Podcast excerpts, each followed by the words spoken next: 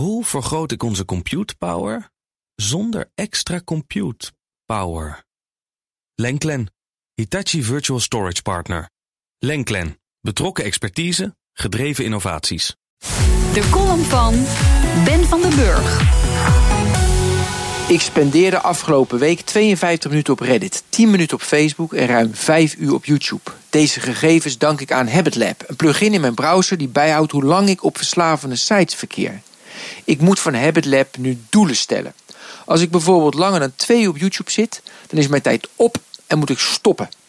Steeds meer doemdenkers vertellen over internetverslaving. De tientallen minuten op Reddit en Facebook zijn inderdaad zonde van mijn tijd en daar wil je niet verslaafd te zijn.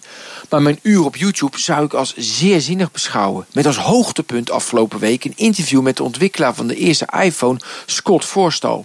Met een goed verhaal over de manier waarop Steve Jobs hem aannam. Hij sprak Jobs vroeg in de ochtend. Na het gesprek zei Jobs: Je hebt nog veel interviews vandaag. Het maakt niet uit wat ze van je vinden. Het maakt ook niet uit wat je zegt, want je bent aangenomen.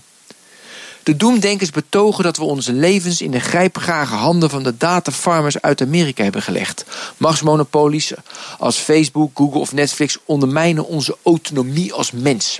Deze bedrijven bepalen waar we onze tijd aan besteden, op wie we stemmen, wat we bewonderen, begeren, verlangen en kopen. We zijn verloren. Ex-medewerkers van deze bedrijven spreken op zoveel mogelijk gelegenheden over het existentiële gevaar van het internet. De bedrijven zelf zien met ledenogen de negatieve gevolgen van een internetverslaving aan en komen op dit moment met timers op de diensten die ze bieden. Zo zitten in de nieuwe versies van de mobiele besturingssystemen schermtijdoverzichten, opdat we onze dopamineverslaving onder controle houden. Het gaat zelfs nog verder. Ik kom mensen tegen die het kwaad uit de weg gaan en hun Facebook-account deleten. De meer extreme verlaten Google, LinkedIn, Twitter en mailen nu met ProtonMail, zoeken met DuckDuckGo en browsen met Brave. Respectievelijk een beveiligde e-maildienst, een privacy-respecterende zoekmachine en mensvriendelijke browser.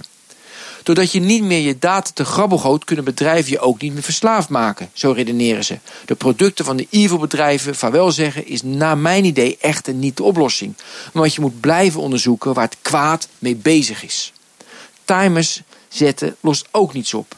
Doelloos een uur Facebooken slaat inderdaad nergens op. Maar ik kan meer activiteiten verzinnen die op het eerste gezicht weinig toevoegen aan je bestaan, buiten dat de tijd verdrijft. Je moet een beetje nadenken over wat je doet. Het draait niet om de kwantiteit, om het aantal uur, maar om de kwaliteit van je uren op YouTube. En dat is Ben van den Burg, onze columnist op vrijdag. En eh, u kunt zijn column terugluisteren op bnr.nl en op de BNR-app. Hoe maak ik van ons VMware-platform een on-prem AI-platform? Lenklen, NVIDIA AI Enterprise Partner. Lenklen, betrokken expertise, gedreven innovaties.